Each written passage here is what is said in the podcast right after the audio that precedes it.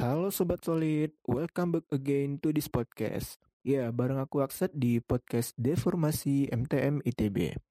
Oke, masih dalam edisi industri, tentunya industri yang sangat-sangat ditunggu-tunggu oleh teman-teman dan sobat solid semua nih, yaitu industri petrokimia. Nah, karena pembahasan kita sama narasumber kali ini itu sangat menarik and very related to material engineering loh sob. Dan terkhusus nih buat sobat solid yang penasaran bagaimana sih berkarir sebagai engineer di bidang korosi dan inspeksi. Oke langsung saja kali ya kita sapa salah satu narasumber kita dari PT Chandra Asri. Pagi Mas. Oh ya sebelumnya uh, saya mau kenalin diri lagi nih Mas. Uh, kenalin saya Rehan Aksat dari Teknik Material 2019. Nah ya. jadi sekarang ini kita dari uh, saya perwakilan atau staff PEMDB sekolah mas yang bagian untuk bicara industri. Ya kita bakal ngobrol-ngobrol santai lah ngobrol-ngobrol lebih lanjut tentang topik kita itu industri petrokimia tadi mas. Uh, fokusnya di PT Estri juga. Oh ya mungkin sebelum mulai uh, bisa kenalin diri dulu nih dari mas Andani ke teman-teman juga gitu. Oke, uh, assalamualaikum warahmatullahi wabarakatuh. Terima kasih untuk kesempatannya ya uh, dan kepercayaannya juga untuk uh, dari apa kepada Raihan dan teman-teman MTM. Yes. Uh, saya Hamdani, nama lengkap saya Muhammad Hamdani, uh, Teknik Material ITB 2012. Uh, sekarang uh, bekerja di Chandra Asri Petrochemical sebagai Corrosion dan Inspection Engineer uh, ya mungkin itu aja kali ya perkenalannya. Iya.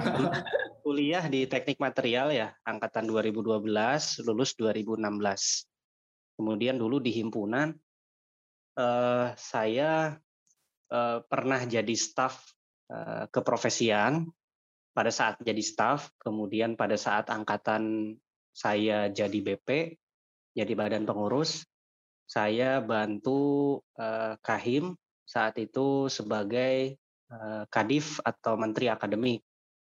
Kemudian pernah juga bantu-bantu uh, di Kementerian Akademik juga sebelum jadi awal masuk MTM itu jadi staf di keprofesian, terus uh, tahun berikutnya jadi uh, staf di Kementerian Akademik dan tahun berikutnya dipercaya untuk jadi menteri akademik atau kadif akademik gitu. Kalau sekarang mungkin saya lihat dari IG-nya MTM departemennya jadi berubah ya, ada kadang kesma gitu, kesejahteraan mahasiswa, kadang juga akademik gitu. Itu dulu mungkin Raihan. Oke, berarti pengalaman udah bisa dibilang banyak ya Mas. Enggak lah. sedikit sedikit. Oke siap. Nah dulu pas ini kuliah eh, fokusnya di mana mas? Di logam berarti mas? Iya, jadi eh, kuliah dulu lebih banyak ngambil mata kuliah logam. Eh, kemudian TA juga tentang korosi eh, sama Pak Husaini, Pak Uca itu. Hmm. Uh, mungkin ini sedikit menarik nih mas dari kita. Uh, mas Hamdani ya. yang dulunya uh, eh, TA logam, tapi malah kerja di Chandra Asri. Soalnya gini mas, kalau yang saya tahu ya Chandra Asri kan ya fokusnya di polimer lah. Mungkin kita bahas lebih lanjut nanti mas, gitu. Boleh, boleh, boleh, uh, boleh, boleh, boleh. Oke, langsung aja nih. Kan sebagai industri petrokimia nih mas, mungkin uh, yeah. dari kita sebagai mahasiswa, mungkin juga masyarakat umum ya, pengetahuan yeah. tentang petrokimia bisa dibilang masih awam lah atau belum masih awam, tahu iya. ya belum tahu lebih lanjut lah. Nah sekarang kita minta apa nih penjelasan lebih lanjut uh, dari pandangan seorang engineer juga nih yang udah bekerja di Chandra Asri gimana nih menurut menurut Mas Andani tentang industri yeah. petrokimia? Jadi uh, industri petrokimia itu uh, kita kita bisa pahami dari dari kata kata katanya aja ya petro dan kimia gitu hmm. uh, jadi uh, mengolah bahan-bahan uh, ya bahan-bahan yang terbuat dari olahan minyak bumi uh, secara kimiawi gitu. Nah, sebagai contoh ya, ya sebenarnya petrokimia itu luas. Jadi ya tadi selalu mengacu ke mengolah bahan-bahan eh, yang berasal dari olahan minyak bumi ataupun gas bumi eh, menjadi bahan kimia gitu. Nah, bahan kimia ini kan banyak juga jenisnya gitu. Iya. Kebetulan eh, tempat saya kerja Chandra Asri itu mengolah nafta ya. Nafta itu hmm. turunan minyak bumi, mengolah nafta. Kemudian eh, kadang tempat saya juga eh, feednya atau bahan bakunya dari LNG. Eh, LNG kan gas ya. Iya. Dari gas diolah, kemudian jadi bahan eh, baku bahan jadinya atau produknya adalah pelet plastik gitu. Nah itu uh, untuk perusahaan tempat saya kerja, nah, untuk Chandra Asri. Tapi petrokimia juga itu uh, termasuk atau salah satu indu, uh, pabrik atau industri yang termasuk ke petrokimia adalah pupuk. Gitu. Pupuk juga termasuk uh, karena pupuk sendiri mengolah uh, menghasilkan pupuk itu mengolah dari gas alam kan itu gas alam amonia kemudian diolah menjadi pupuk. Nah, itu dua dua di antaranya yang mudah kita kenali gitu ya. Iya. Uh, petrochemical industry. Nah, uh, dari jenisnya, dari pengertian dan jenisnya. Nah, nanti juga kalau kita uh, gali lebih jauh, petrokimia, uh, industri petrokimia itu ada hulu, ada hilir gitu. Nah, hulu itu maksudnya seperti Chandra Asri, jadi mengolah bahan baku Eh, mengolah bahan eh, apa mengolah hasil olahan minyak bumi menjadi bahan-bahan kimia menjadi pelet plastik itu eh, dinamakan hulu atau itu stop sampai ke batasan industri hulu petrokimia setelah itu masuk ke industri hilir petrokimia nah industri hilir ini kita masuk ke FMCG biasanya jadi produk-produk dari Eh, perusahaan hulu petrokimia dibeli oleh industri hilir. Contohnya misalkan Dynapec ya, pernah dengar ya? Iya pernah mas, pernah. Ya Dynapec hmm. atau Dynaplast. Uh, terus kadang perusahaan-perusahaan mainan gitu ya. Terus perusahaan pab, apa, pabrik ban, misalkan Gajah Tunggal, terus Michelin atau Michelin ya, Eh, bahasa Prancisnya Michelin, Michelin, terus Goodyear. Nah, itu juga perusahaan hilir. Artinya mereka mengolah bahan-bahan yang dihasilkan oleh pabrik-pabrik hulu petrokimia menjadi bahan jadi gitu, bahan jadi bahan siap pakai uh, untuk kebutuhan sehari-hari. Nah, kalau bicara uh, spesifik ke Chandra Asri sendiri, tadi kan saya sempat singgung Eh, kami adalah industri hulu, artinya eh, mengolah eh, bahan turunan minyak bumi ataupun gas bumi menjadi pelet plastik sebagai produk akhir kami. Nah itu produk pelet plastik kami itu banyak grade-nya gitu. Nah, nanti teman-teman teknik material pasti familiar lah dengan HDPE, LLDPE, kemudian polipropilen, kemudian eh, apa lagi ya eh, polistiren kayak gitu-gitu. Nah itu eh, adalah produk akhir dari eh, Chandra Asri. Setelah itu kami jual ke eh, perusahaan hilir gitu untuk diolah kembali. Itu kira-kira sekilas tentang eh, industri petrokimia, Taihan. Oke, berarti ya betul sih saya tiba-tiba keinget juga nih Mas Mas bilang yang uh, produknya itu berupa LDPE uh, eh, terus HDPE juga LDPE. Ya. Soalnya sekarang kita kebetulan pas banget uh, belajar polimer tentang itu Mas. Jadi wah hmm. menarik juga nih soalnya kalau dibahas gitu Mas. Ya. Iya iya iya. Berarti bisa saya bilang kalau menurut pandangan saya kalau saya simpulkan itu uh, petrokimia ini semacam uh, apa ya pengolahan turunan minyak bumi terus juga kayak penyedia ke para ke, apa pembeli juga gitu ya mas produk ya. hasil akhirnya produk-produk uh, perusahaan petrokimia itu biasanya dibeli oleh perusahaan uh, consumer goods uh, atau perusahaan penyedia kemasan ya, kemasan untuk consumer goods. Misalkan gini, sebagai contoh aja ya, mobil, mobil yang kita gunakan itu kan banyak bagian yang terbuat dari plastik. Nah, mobil uh, itu beli apa namanya beli part-part atau beli komponen yang terbuat dari plastik itu dari perusahaan penyedia komponen. Nah, perusahaan penyedia komponen itu beli bahan baku plastiknya dari Chandra Asri gitu.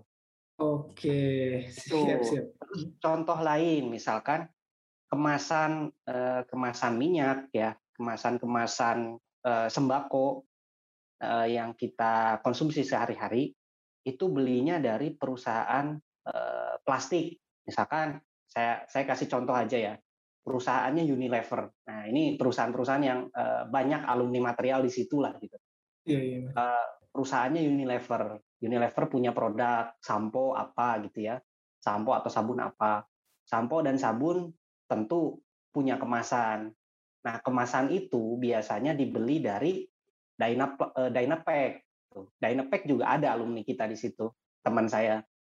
Nah, Dynapack uh, dia beli bahan baku dari Chandra Asri gitu. Bahan bakunya berupa pelet, pelet plastik tadi. Uh, tergantung grade-nya apa, tergantung pesanan dari Unilever tadi. Misalkan pengen PP gitu ya, pengen polipropilen ya berarti mereka beli polipropilen dari kami diolah misalkan jadi uh, wadah sampo atau wadah sabun itu oleh Dynapack katakanlah begitu ya ini sebagai contoh aja. Nanti dari Dynapack dijual ke uh, Unilever atau misalkan kayak Indofood dan lain-lain gitu. Sehingga uh, habis itu ya udah diterima oleh masyarakat. Gitu kira-kira Raihan. Oke, berarti uh, Chandra Asri ini cuma sampai hasil pengolahan produk itu HDP, LDP gitu ya Mas? Berarti yang kalau ya. untuk pembuatan uh, produk sampo gitu, terus juga plastik-plastik itu urusan apa pembeli perusahaan pembeli gitu ya Mas? Ya, itu nanti uh, dibeli oleh kalau kami ya nyebutnya oleh uh, pabrik-pabrik hilir ya, pabrik-pabrik hilir petrokimia gitu.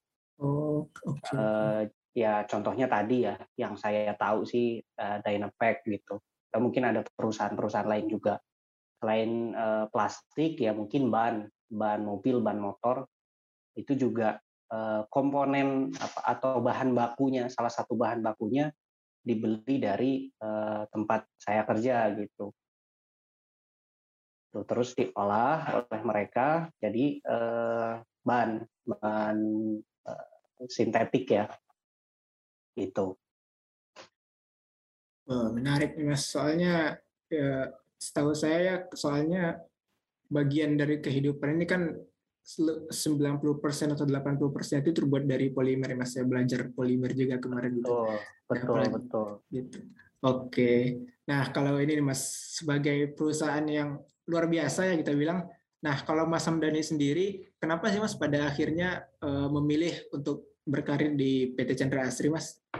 Ya, ya ini menarik ya. Jadi teknik material itu uh, belum banyak diketahui pada saat saya kuliah ya. Tapi alumni-alumni kita udah banyak menyebar di oil and gas, terus di tadi ya FMCG, contohnya Unilever, di perusahaan otomotif gitu.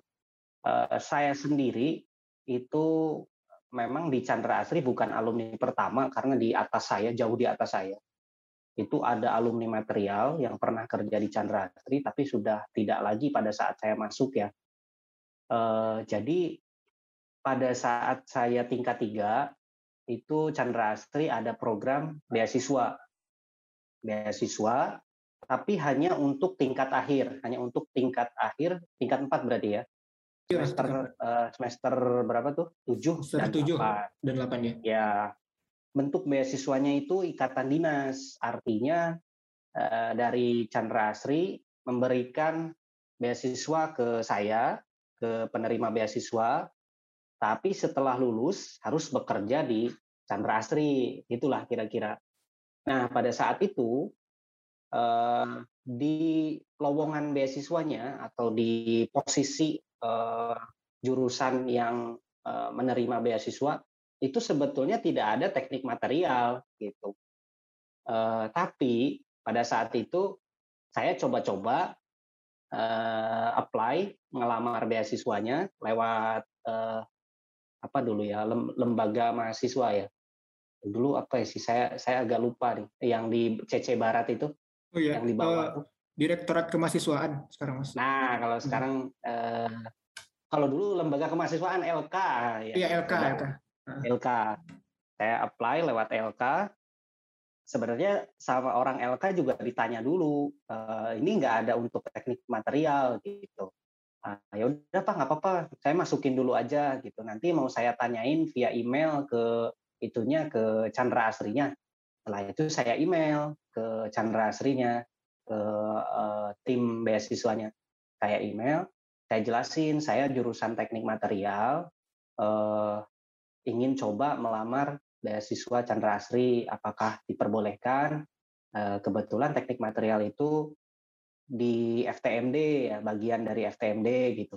Eh, dan ilmunya mirip-mirip mesin gitu. Saya bilang gitu dulu di email tuh.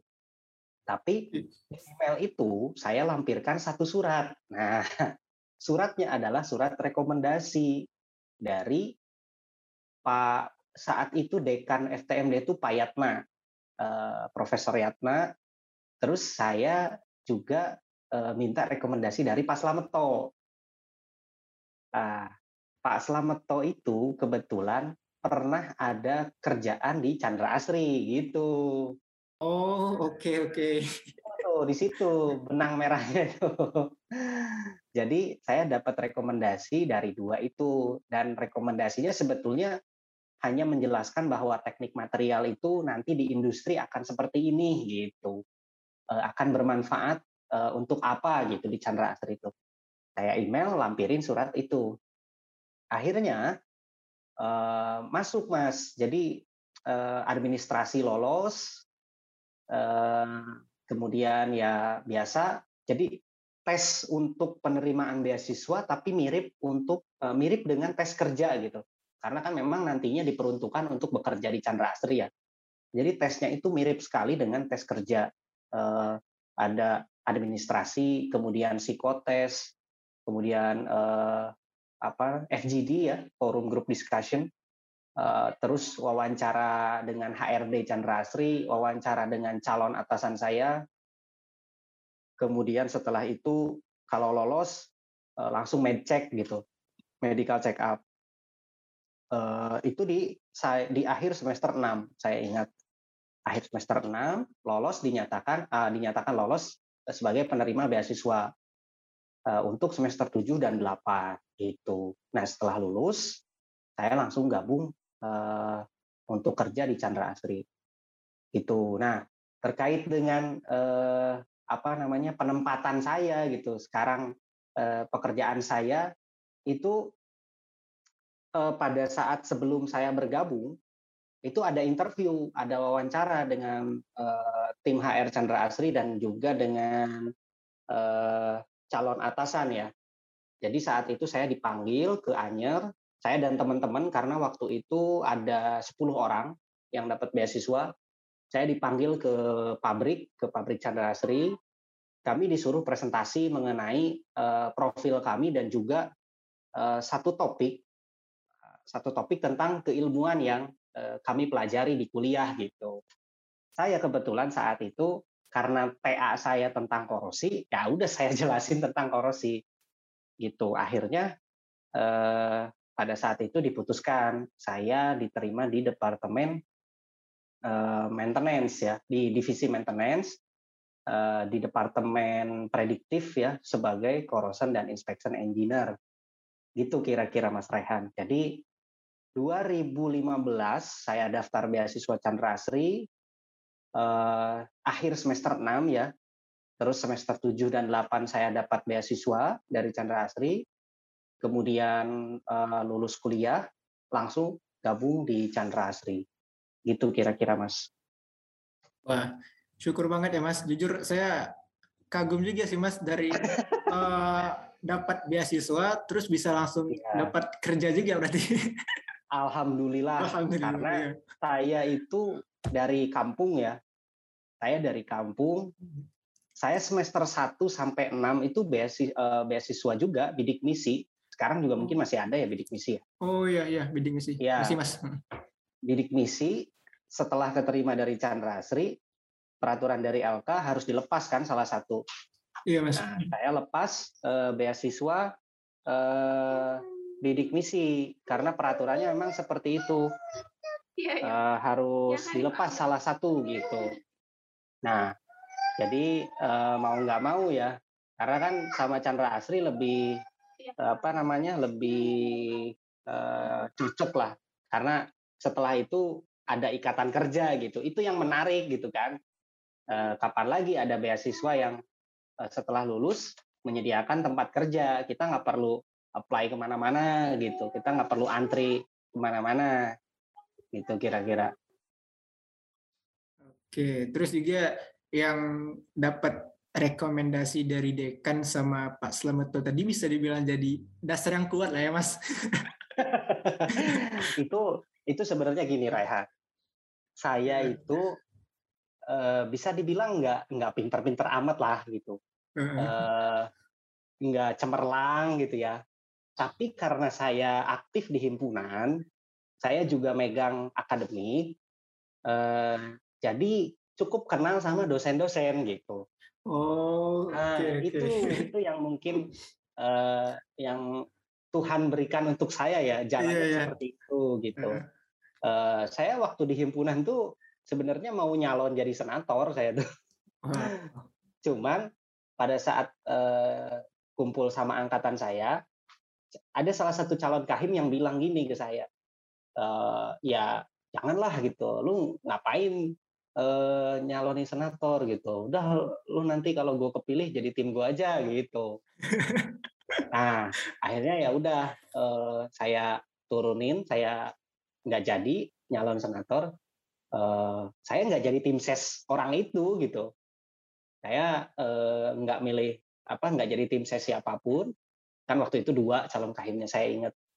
Uh, tapi setelah salah satu kepilih, saya dipilih untuk jadi uh, apa namanya menteri akademik uh, ya nggak pinter-pinter banget uh, nggak cemerlang juga gitu cuman karena saya saya nanganin akademik kebetulan saat itu banyak yang punya uh, kendala kuliah ya hambatan kuliah jadi saya sering konsultasi ataupun sering uh, apa ngobrol sama dosen-dosen. Nah, salah satunya Pak Slameto gitu. Kalau ke Payatna dulu ya karena udah dapat dari Pak Slameto, akhirnya dari Pak Yatna juga turun rekomendasinya gitu kira-kira. Berarti nggak melulu cuma pinter doang ya Mas, aktif tuh juga diperlukan apalagi ah. alhamdulillah nih di bagian akademik juga ya Mas, yang berhubungan langsung ini yang saya ini yang saya ingin garis bawahi.